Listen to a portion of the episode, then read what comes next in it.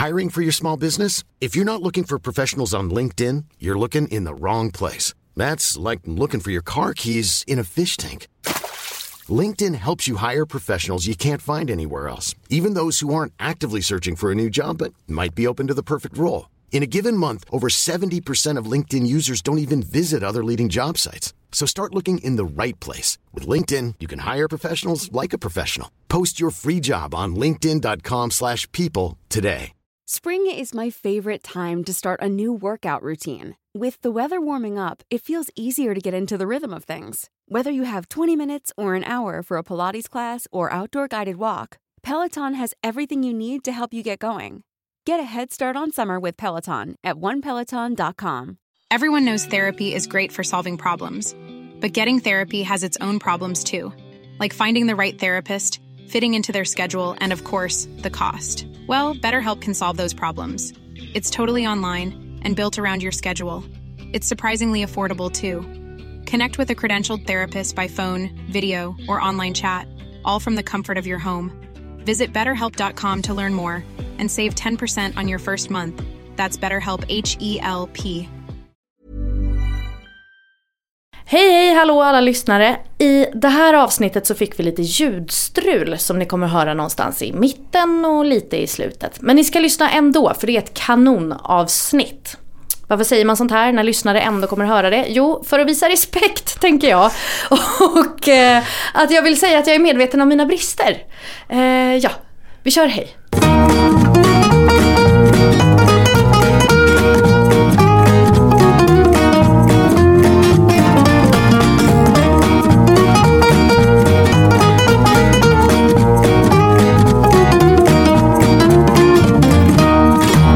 Hallå och välkomna till Kulturråden. Hej hej! Hej! Hej! Vad är det för en vänlig, eh, härlig och vacker stämma? Det ska ni snart få veta. Nej, vi kan ta det på en gång. Eh, vi, i, den här, eh, I vårt avsnitt i den här veckan så har vi ju en underbar, underbar, hjärtlig, men dum människa, människoröst.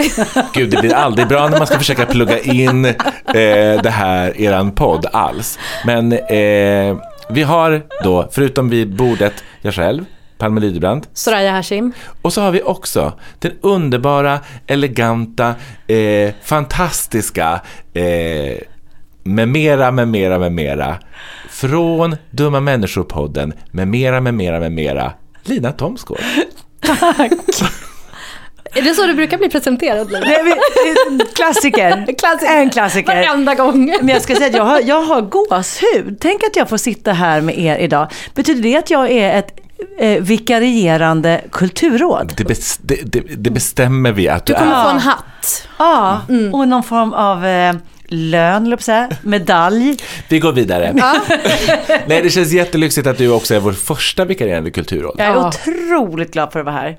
Vet- Cecilia är ute på äventyr. Ja. Men eh, hon... Så här, så här blir det ibland. Så här blir det ibland. Jag kan tänka mig att hon är väldigt avundsjuk på att hon inte får vara med när du är med Lina. Det förstår jag. Vi kanske kan göra en, en, en eh, kanske någon av er som är borta någon gång. Vet du vad, du får komma tillbaka oavsett om vi är borta eller inte. Det gör jag med glädje för att det här förstår ni, det här är en av de ljuvligaste poddidéerna jag någonsin har varit med om och det jag har hört hittills är så fantastiskt. För att inte tala om namnet. Oh, var kommer det ifrån? Kulturråden. Var kommer det ifrån, Kulturråden? Vem var det som Palme, kläckte den Palme, idén? Palme, berätta!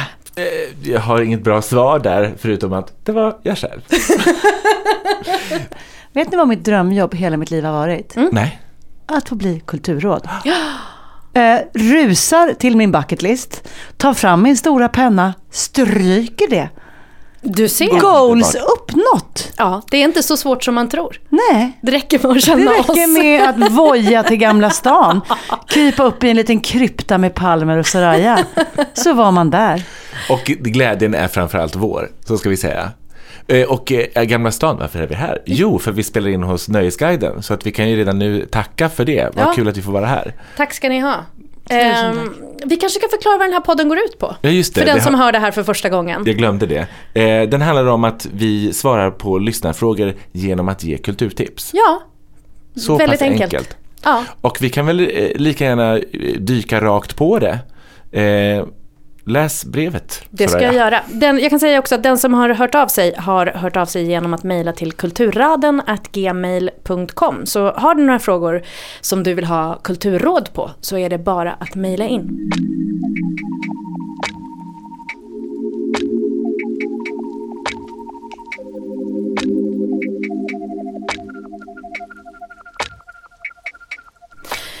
Hej Kulturråden! Jag är i något av en pickle med min mamma. Hon är rätt gränslös och respekterar inte min vilja.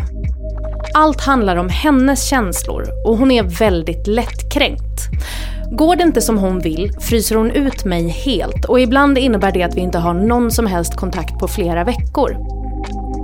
Vi har haft den här dynamiken i hela mitt liv så jag vet inte hur jag ska göra för att stå upp för mig själv och vika mig alltid för hennes vilja för att inte skapa drama. Har ni några tips på hur jag ska kunna närma mig och ta upp det här med min mamma eller hur jag ska göra för att lösa problemet? Från Den goda dottern. Kära vän. När jag var och nosade på att eh, komma ut, i slutskedet av att nosa på att komma ut, då så gick jag på folkhögskola utanför Göteborg. På hösten 2005, då smög jag ut från skolans bibliotek och jag hade en bok gömd i väskan. Jag hade lånat den, eller jag hade inte lånat den, för det skulle ju betyda att jag hade behövt liksom skriva mitt namn på baksidan av boken. För det var inte som direkt, ja men ni vet hur det kan vara på folkhögskolebibliotek. Man lånar på egen risk Med och god vinst. vilja. Med god vilja och eh, gott samvete att skriva ner vad man heter i en bok. Det gjorde inte jag. Ingen skulle få veta att jag hade lånat Kalle Norléns böghandbok Bög, så funkar det. Jag ville ju liksom sluka allt bögt eh, och den här boken var ju då, titeln är ju uppenbart en bra bok för mig kan man väl säga. Eh, tyvärr så minns jag inte så mycket från den här boken, eh, säger någonting om mitt minne, kanske någonting om boken. Men en sak minns jag väldigt tydligt. Och jag kanske också felciterar, men det, så kan det vara. I boken stod det att en mamma är det bästa man har. En mamma är alltid förstående. En mamma vet alltid. Och jag vet, och du, goda dottern, vet, och vi alla här i det här rummet vet, att alla mammor besitter inte förmågan att vara det bästa man har, alltid vara förstående, eller alltid så att säga veta. Det finns till exempel massor av mammamonster i kulturen för att få ut sin ilska eller frustration, frustration på. Eh, Man kan läsa Johan Hiltons bok Monster i garderoben för lite tips. Och om man inte hinner plöja hela den så kan man läsa hans text från Mors dag i år där han droppar titlar som Evil Dead Rise och Bo is Afraid, bland annat. Och i mitt vita bögfilmsarkiv så kan jag snabbt dra två titlar ur röven. Usch. Det är Xavier Dolans eh, film Jag dödade min mamma och kultklassikern Mommy Dearest. Kapitel 2. Det finns väldigt många mammor som inte har förmågan. Det är 50-tal i en liten by i Texas. Renée LeBlanc, som är 12 år gammal, är med om en olycka. Hon ramlade ner från taket och blir förlamad. Av läkarna rekommenderas att hon ska genomgå elchocksterapi två gånger i veckan i två år. Det visar sig att det inte är rätt behandling. Man kanske ska säga också att hon blev temporärt förlamad. 1972 får hon sonen Jonathan. Pappan drar och han kommer ganska snart via fosterhem att växa upp hos sina morföräldrar. Mellan 1965 och 1999 behandlas René i över 100 psykiatriska kliniker. Och det sorgliga är att om hon inte hade blivit feldiagnostiserad från början så kanske hon aldrig hade behövt någon av de efterföljande behandlingarna. Men nu är det som det är. Tarnation är en otroligt hjärtskärande dokumentärfilm där sonen Jonathan Coet porträtterar en väldigt speciell mamma och hans egna uppväxt som hela tiden hamnar i skuggan av henne. Jonathan börjar redan 1984 filma sig själv och sin familj med olika hem- hemmavideokameror. Och då är han 12 år gammal. Det är liksom en film som är väldigt arthousig på ett sätt, väldigt artigt klippt, väldigt art, artigt filmat och flertalet av det filmade materialet är liksom en barns teatrala försök att hitta sin väg fram. Man känner att det känns lite Warhol och man känner också att det känns lite 80 och 90-tal. Men från ett barns perspektiv. Vi får följa hans uppväxt återberättat genom han själv och genom de här hemmavideorna. Det mesta är hjärtskärande. Dramaturgin är kronologiskt, där den ena händelsen och årtal tar över efter det andra. Eh, och livet förklaras i textskyltar och de här hemmavideomaterialen. Jag vill verkligen understryka att jag inte kan någonting om sjukvård eller behandlingar och jag har liksom ingen åsikt om elchocker överhuvudtaget. Men det sägs i första filmen att det inte är bra för just Renee. Har ni hört talas om den här Nej, vart finns den någonstans? Jag blir jättenyfiken. Den, eh, jag, jag tror att den finns att hyra på SF Anytime. Ja. Men jag eh, upptäckte det igår. Så jag köpte en DVD för att kunna få tag på den. Eh, för jag fick tips om den här för jättelänge sedan. Och eh, hade en känsla av att den här kanske skulle kunna passa för det här, eh, för det här brevet. Den här filmen då kommer 2003 och följer Jonathan och René till cirka millennieskiftet. Och åtta år senare, 2011, kommer en uppföljare. Den heter Walk Away René. Eh, och den fördjupar förståelsen för både René och Jonathan och jag upplever att den inte är riktigt lika nattsvart. Eh, men allt är ju relativt. I den här filmen så kämpar Jonathan framförallt med att slängas mellan sin mammas utbrott och psykoser, men också mellan de här eh, felmedicineringarna och byråkratin i den amerikanska sjukvårdsapparaten. Kapitel 3. Det här är en låttext från El Perro del Mars Mirrors. I look at you, there is good. There is good in me. I know it's messed up, I know it's not right, but I want to try. I want to try, I want to try.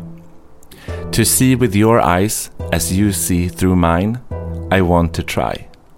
I want to try, I want to try. Doing what is right. You look at me, I am you. I am you, you are me.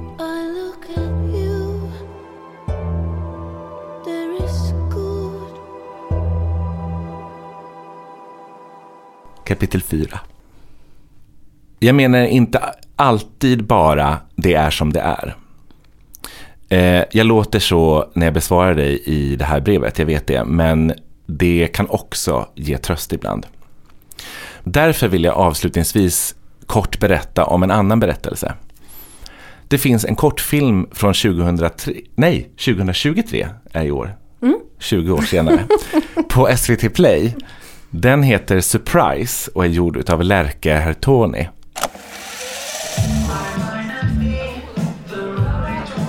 Så naivt. Men hela det här huset. Jag hade ju ingen aning om att hon hade, hon hade köpt ett hus tillsammans med honom. Va? Med de här räntorna, hur ska de klara det? Snälla Ingrid. Du ska bli mormor. Kan du inte bara vara glad över det? Jag får ju aldrig veta någonting. Kanske hade varit annorlunda om du hade varit här. Du har ju inte varit det.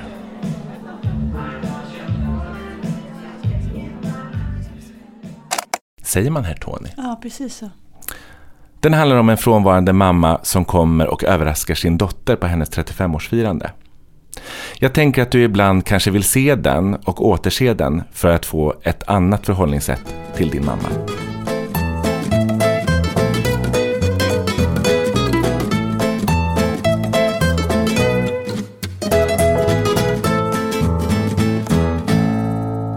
Hörrni, jag, jag har inte med mig kapitel, men jag har gjort väldigt många andra ganska komplicerade eh, uppdelningar av mitt kulturråd, som är lite av en resa.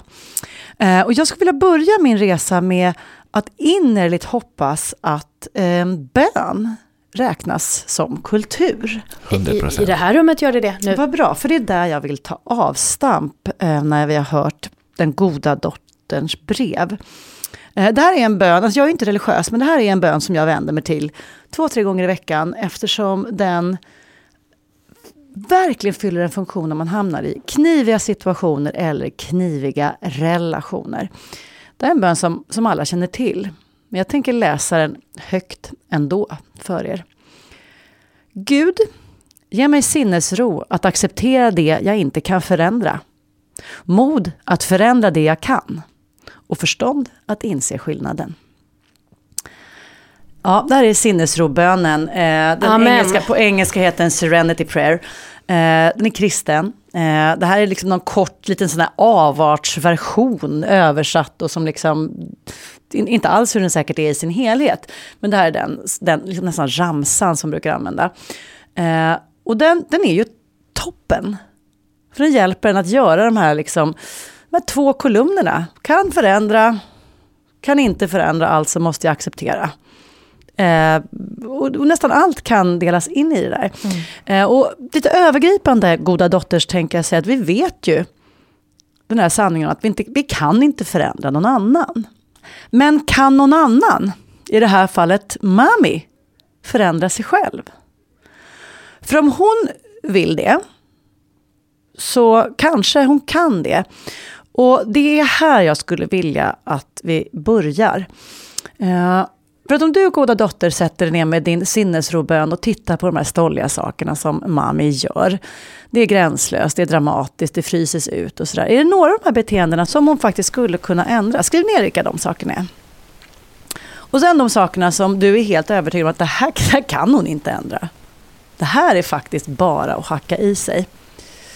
Om vi börjar där så kommer vi till det första du kan göra enligt sinnesrobönen för att förändra någonting.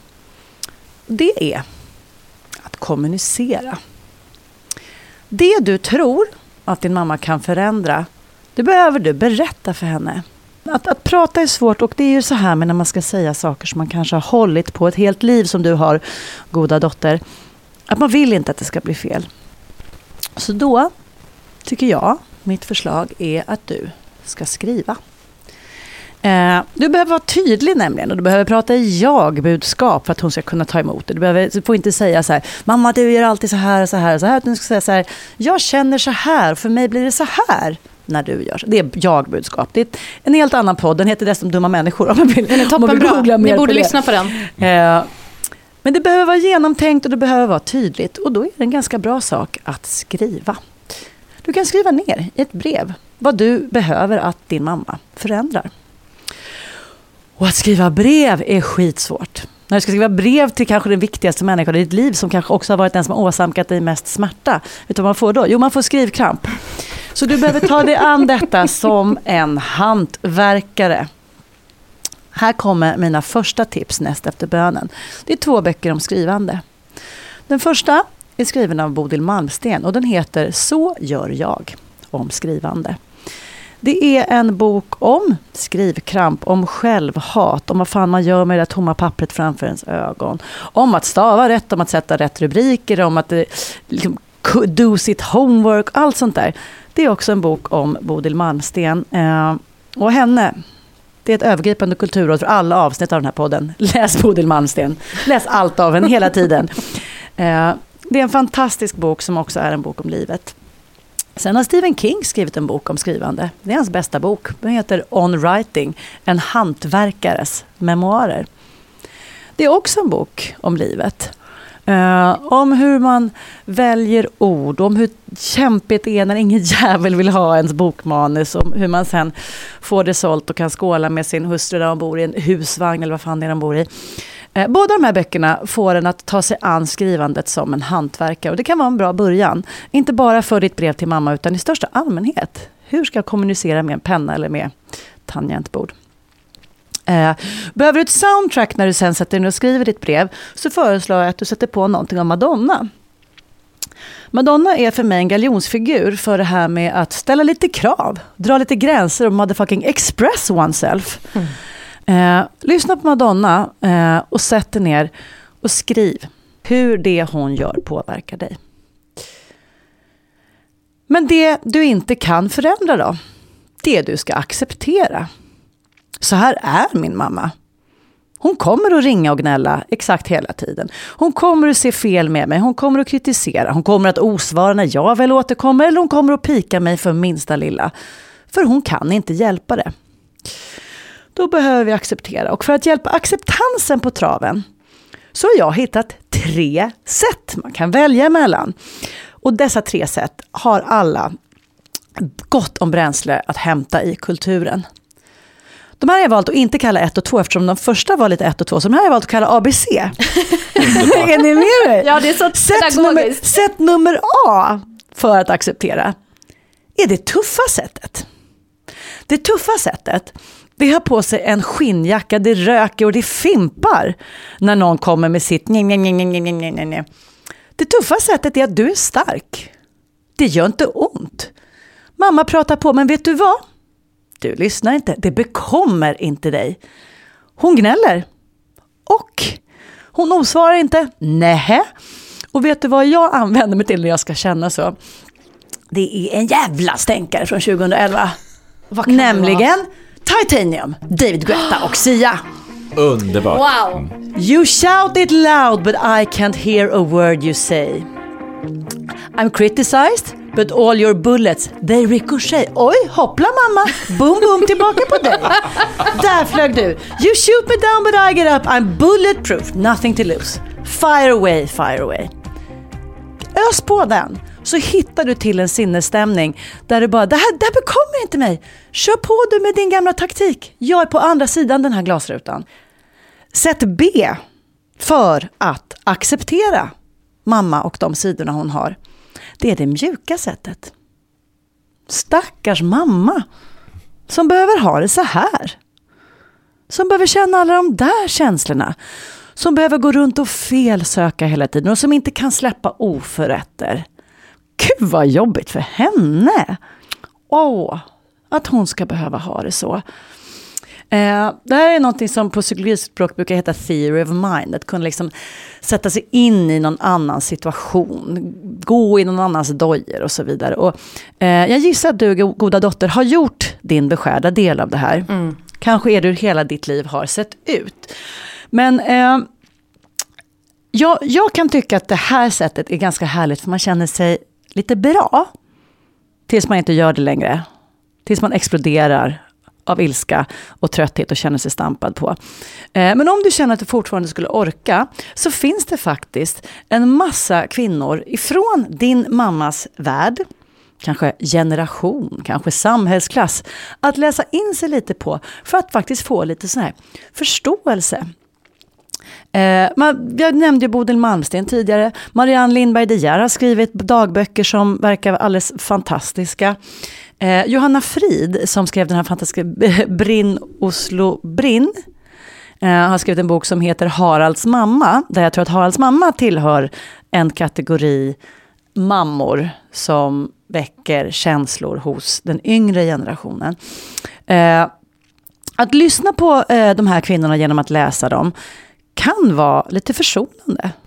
Man kanske hittar att den här anledningen att man är så upprörd eller småsint kring det där, det har inte med mig att göra. Utan det har med en massa annan skit att göra. Stackars mamma som har det sådär. Eh, dessutom så kan man kanske på köpet, genom att lyssna på kvinnor, till exempel sin mamma, hitta saker att beundra. Saker att vara tacksam över. Och det kan hjälpa en att rycka på axlarna åt de där sakerna som man inte riktigt står ut med. Om du pratar med din mamma, testa, det här är också det mjuka, snälla sättet. Testa att ställa frågor till henne. Och ställa följdfrågor. Eh, när mamma går på om någonting, fråga, eh, hur, hur tänker du då? Varför känns det så? Hur menar du då? Inte på ett skjutjärnssätt, utan på ett nyfiket sätt. Du vill faktiskt veta och förstå.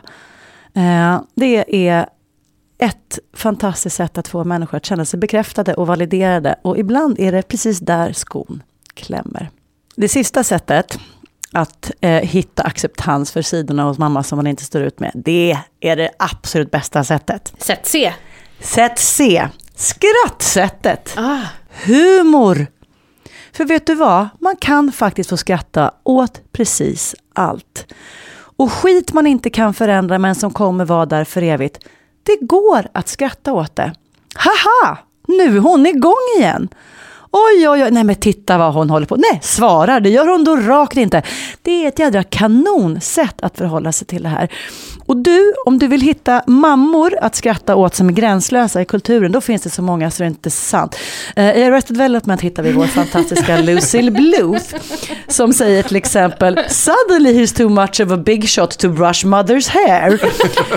eller, som säger, eller som säger att she, om sin dotter, “She thinks I'm too critical, that's another fault of hers”. Eh, vi har eh, Lady Caroline Collingwood i Succession. Thank you for coming down. Yeah, well, just following orders. Like a Nazi. Vi har dessutom eh, vi har Better Things av Pamela Adlon som är en lite yngre variant, ensamstående mamma, där hela livet är någonting som man blir tvungen att skratta åt. Och vi har i Morrhår och ärtor den totala drottningen av gränslösa mödrar, nämligen Margareta Krok.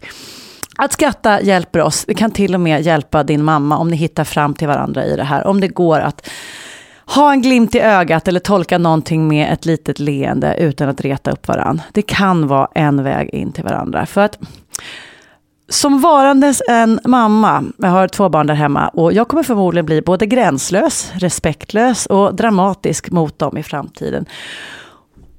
Och jag hoppas den dagen när den kommer, mina älskade söner Vito och Max, att om det blir så, så hoppas jag att ni kommer kunna handskas med mig och alla mina knasiga sidor med just ett gott, varmt skratt.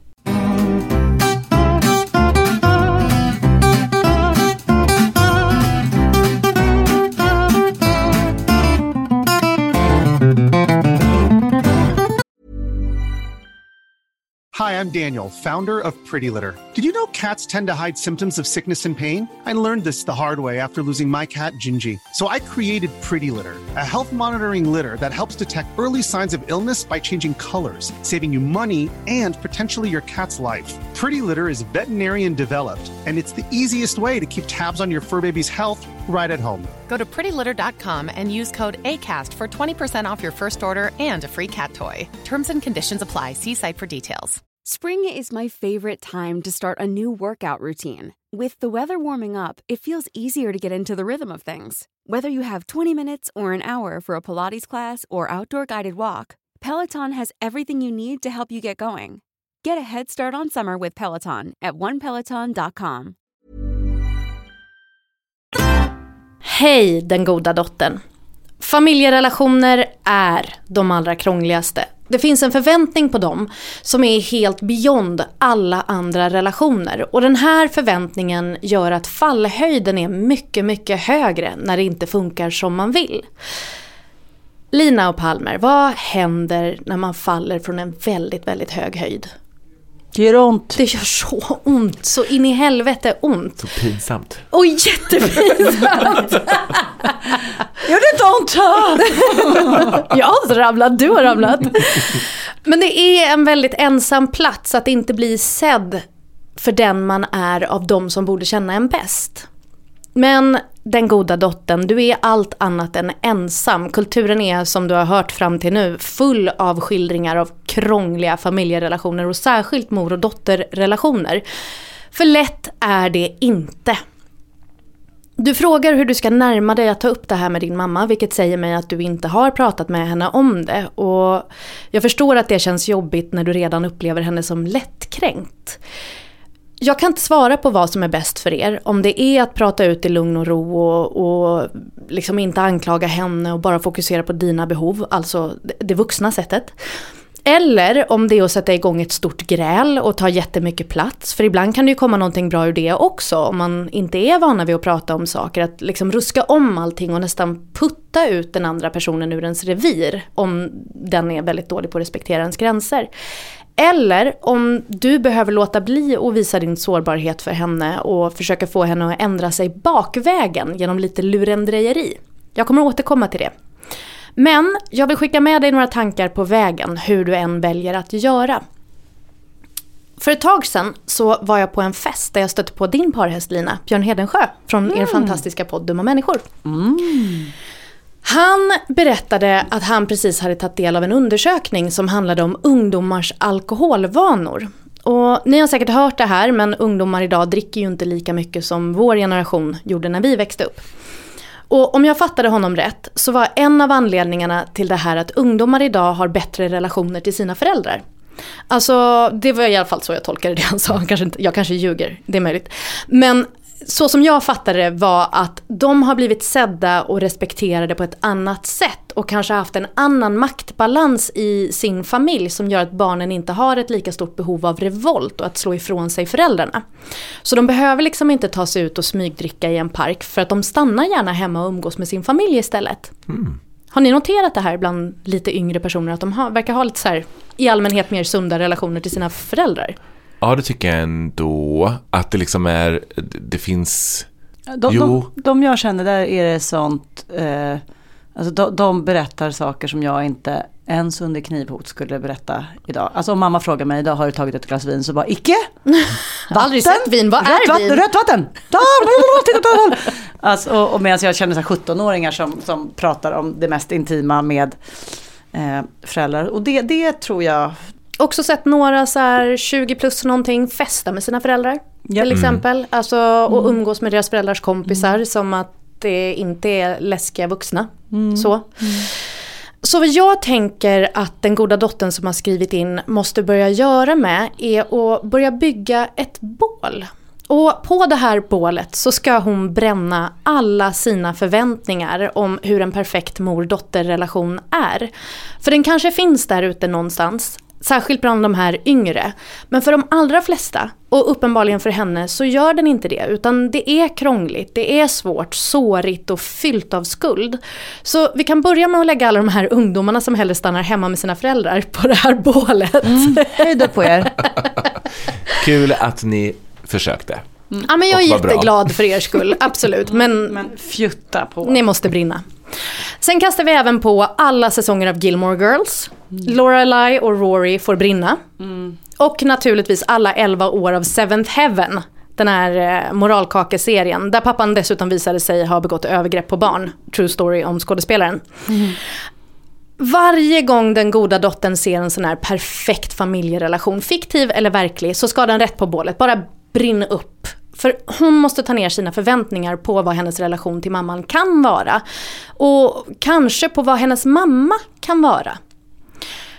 Känner ni igen det här? Att det ibland är lättare att känna sympati med andras brister och ge dem råd och stöd än vad det är att känna sympati med sig själv och ge sig själv stöd. Har ni hört talas om det? Ja, men det finns en sån här, det här tricket att så prata till dig själv som du skulle prata till din bästa vän. Ja. Och man bara, uh, perverst.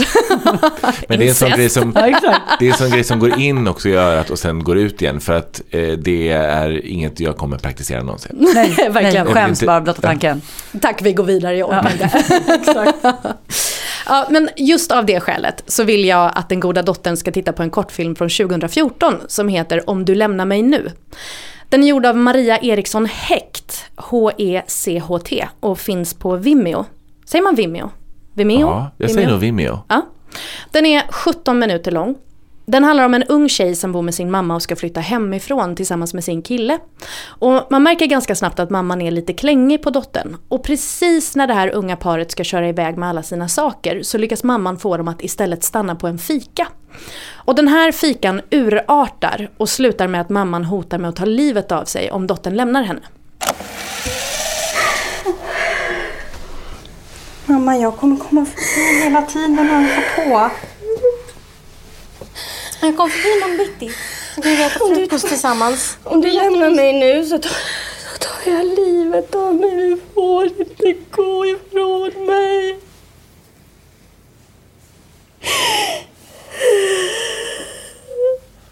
Men mamma. Vill, vill du inte följa med till lägenheten och sova över?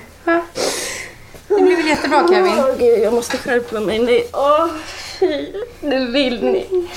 Det vill ni inte att jag ska följa med. Jo, men åh, fy. Det känns som jag ska svimma. Och du måste tycka att jag är världens hemskaste mamma. Nej. Mamma. De har en uppenbart destruktiv beroenderelation där dottern känner sig ansvarig för mammans välmående och där mamman håller henne kvar och kontrollerar henne genom sina stora utbrott. Och vid köksbordet sitter pojkvännen och bara tittar på det här kaoset. Och man ser oron i hans blick, att han tänker att det här kommer aldrig någonsin ta slut. Han har sett hur deras relation är redan tidigare, men han har väl säkert tänkt att den här cykeln ska brytas i och med flytten. Men där fattar han liksom att det här kommer bara fortsätta. Och det blir värre. Jag ska inte avslöja mer. Men jag vill att den goda dottern tittar på det här och funderar på vad hon skulle ge för råd till den här dottern som står emellan sin mamma och sitt framtida liv. För det är så uppenbart att om hon inte gör någonting nu så kommer det bara fortsätta. Det här är såklart en hårt dragen version av den goda dotterns relation till sin mamma, men det finns någonting där. Kortfilmsmamman, som spelas av en kanonbra Cecilia Milocco, kontrollerar genom att skrika och skamma. Men utfrysning, det är också ett sätt att kontrollera andra människor. Det är ett sätt att få dem att hålla sig i ledet. Om du inte gör som jag vill så får du inte min närhet. Gör du som jag vill, då får du mitt ljus. Och vem vill inte ha det ljuset? Vem vill inte bli sedd av den som ska se en mest av alla? Så, för det första. Förvänta dig inte att din mamma kommer bli perfekt eller vara allt det du vill. Jag tror att det är klokt att inte hoppas på det utan som det du var inne på Lina, se henne för det hon är. För då, då blir kanske inte fallet heller lika högt om man blir besviken. För det andra, du måste bryta cykeln annars kommer det här bara pågå i evighet, amen. Och det tredje jag vill att du tänker på är någonting som du såklart redan vet men som kan vara bra att bli påmind om. Exakt det Lina sa, du kan inte ändra andra människor, du kan bara ändra dina egna beteenden. Och här kommer bakvägslurendrejeriet in, som jag nämnde tidigare. Testa att se ert beteendemönster som en tango. Ni har er dans som ni gör, er vanliga koreografi som ni har gjort i flera år. Din mamma är van vid att ta vissa steg i den här dansen. Men om du plötsligt tar ett helt annat steg än det hon förväntar sig så kan hon ju inte riktigt ta de där vanliga stegen hon brukar. Och det kan vara öppningen till en helt annan koreografi. Kanske är det så, om du nu tycker att det är svårt att prata med henne för att hon är som du säger lättkränkt och då fryser ut dig.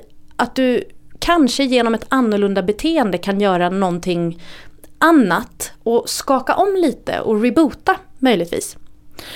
Jag fattar att det här kan låta läskigt, eh, för du säger ju att du inte vill ha drama. Och du drar dig för den här konfrontationen. Kanske känner du att hon inte kommer älska dig om du inte gör som hon vill eller att du kommer förlora henne. Men jag tror inte det. Det ska väldigt mycket till för att en förälder ska sluta älska sitt barn. Även om hon inte kan älska på det sättet som barnet vill bli älskat. Och sen vill jag att den goda dottern tittar på en annan film som kan inspirera i hur långt man kan gå och ändå vara älskad. Nämligen UFO Sweden. Har ni sett den? Nej. Nej. Vet ni vad det är? Ingen aning. Ja, det är en ny film va? från typ förra året. Ja, från december förra året. Eh, det är de här Crazy Pictures-grabbarna som liksom gjorde massa YouTube-kul. De kan eh, 3D. Ja, och exakt. mycket special effects. Ja, de är jätteduktiga på special effects. De gjorde en film som handlar om eh, ufo-intresse. Alltså den, den handlar om en tjej vars ufo-nördiga pappa försvann när hon var en liten flicka. Och så försöker hon leta rätt på honom med hjälp av hans gamla kollegor i en ufo-klubb. Den här filmen har jättemycket skärm och vilja men den har också mycket problem och det är de vi ska ta tillvara här. Filmens problem. För huvudkaraktären är den mest osympatiska personen jag har sett i en film. Eh, utan att det var med flit.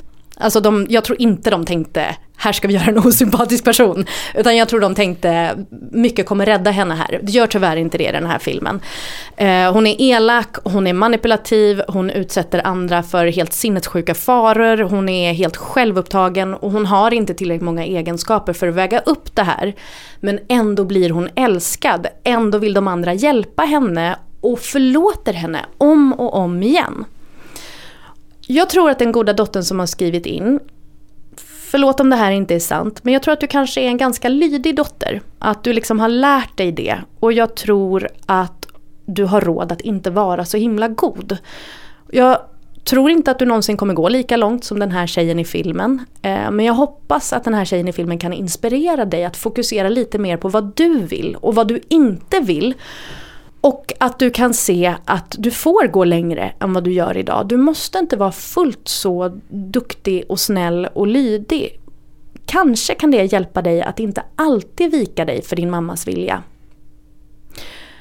Om din mamma inte är förmögen att ge dig det du vill ha så kanske det kan vara värt att samtidigt börja fundera på en annan kärlek som kan fylla dig med det du behöver. Alltså lägga lite mer av din fokus där, på de du har valt istället för de du har blivit tilldelad. Så därför vill jag avsluta med liksom lite generellt tips om att söka upp filmer och serier som handlar om den valda familjen. Exempelvis tv-serien Pose eller den fantastiska filmen Birdcage från 1996 med Nathan Lane och Robin Williams. Kommer ni på några fler sådana här valda familjeteman? Alltså det finns ju jättemycket queera filmer, pjäser, texter. Godnatt Mr. Tom. Är inte den en sån? Det minns inte jag. Jag minns inte jag minns bara att den lästes Ja, men det är den här gamla barnboken. Eh, det är krig och en brittisk pojke, tror jag att det måste vara, som hamnar hos Mr Tom. Som är en butter, det är alltid den buttra gamla mannen som ska liksom låsas upp av ett litet gulligt barn. Mm. Sånt där. Eh, och han, lilla pojken, hans mamma kommer och hämtar honom till slut och är från alla vett och sjuk och så. Och eh, det slutar i alla fall med att lilla pojken och ytterligare någon blir till Mr Toms familj. Mm. Eh, det är något otroligt, gud jag får gåshud när jag tänker, ja, det är en av de böcker som har berört, alltså det är verkligen, vi pratar barnbok, Mm. men, men fantastiskt fin. Jag minns att, att den lästes till en på, i liksom lågstadiet. Men det, det var min första sån där, men gud man kan liksom, alltså att det nästan blev så romantiserat att så här, ha sitt, sina egna, alltså, och någon som älskar en trots att den inte måste. Ja. Oh, Ja, vilken gåshud. grej. Gissa vad jag skulle tipsa om? Ja. Änglagård. Ja, Rickard och Elena. Den handlar ju visserligen väldigt mycket om att söka sina rötter och vem är ens pappa och allt det där. Men det är ju inte det man tar med sig av filmen. Nej. Jag tar med mig deras relation och sen så brukar jag dagligen, skulle jag ändå vilja säga, nej, veckovis citera Vivica Sedal i 30 år. Nu går du till Fanny och säger som det är. Axel, jag har vetat i 30 år. Nu går du till Fanny, säger som det är. Den goda dottern, kärleken från din mamma kanske inte kommer se ut som du vill i framtiden, men det gör den ju ärligt talat inte nu heller. Jag tror att du bara har att vinna på att försöka ändra den här dynamiken. Det kommer inte vara lätt, men det kan aldrig heller bli någonting annat om du inte försöker. Lycka till! Lycka till! Lycka till!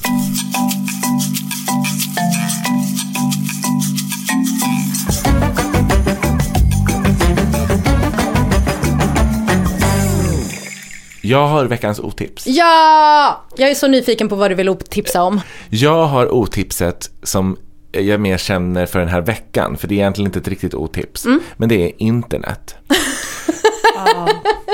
Och internet som otips handlar väldigt mycket om att det går, eh, det handlar ju då såklart om, om Walk Away Renee, att den inte riktigt eh, gick att få tag på, alltså den här Ja. eh, andra filmen.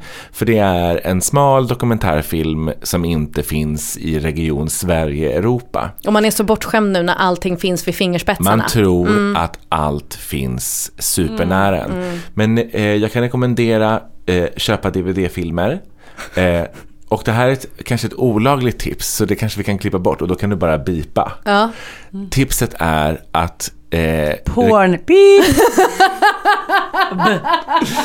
Nej, det är att eh, sitt i en annan, eh, ett annat när du till exempel går in på och ska betala med så skriver du bara någon, eh, någon eh, funkar perfekt. Men gud vad modigt. Vad händer Ja. då som är så bra? Du kan se den, men jag vet inte om det kommer kunna få följder.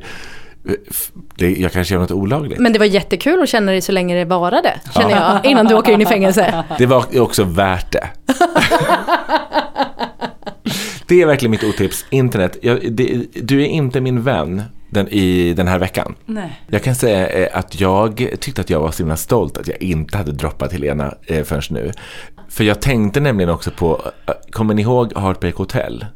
När Helena skäller ut sin dotter på toaletten. För hon tycker att, eh, att Helena är en gammal kärring och inte ska vara ute och dricka sprit. Ah. Och de, hon får väl göra som hon vill. Jag kom, alltså, det är en scen att googla upp.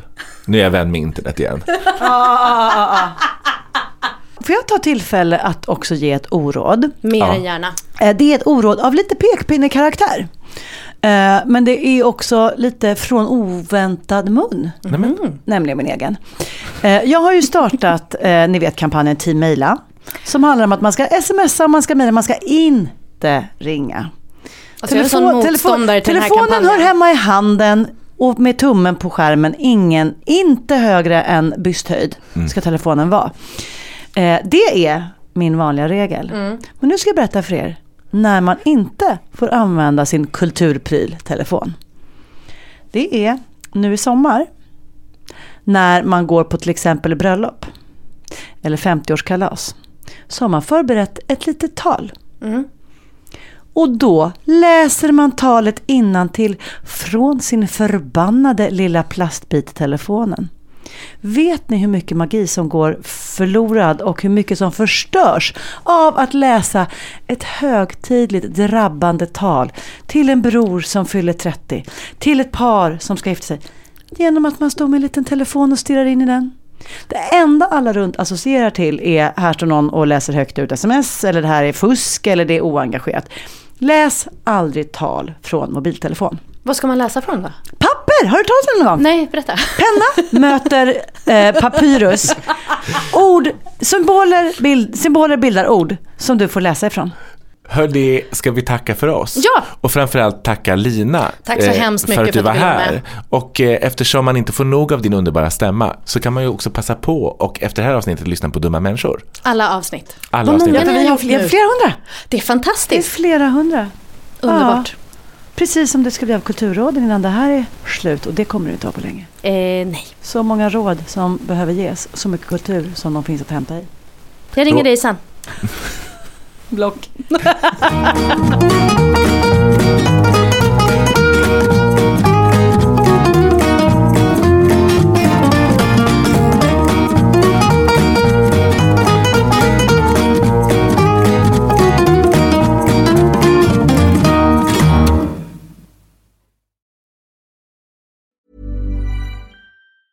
Planning for your next trip? Elevate your travel style with Quince. Quince has all the jet setting essentials you'll want for your next getaway, like European linen, premium luggage options, buttery soft Italian leather bags, and so much more. And is all priced at 50 to 80% less than similar brands. Plus, Quince only works with factories that use safe and ethical manufacturing practices. Pack your bags with high-quality essentials you'll be wearing for vacations to come with Quince. Go to quince.com slash pack for free shipping and 365-day returns.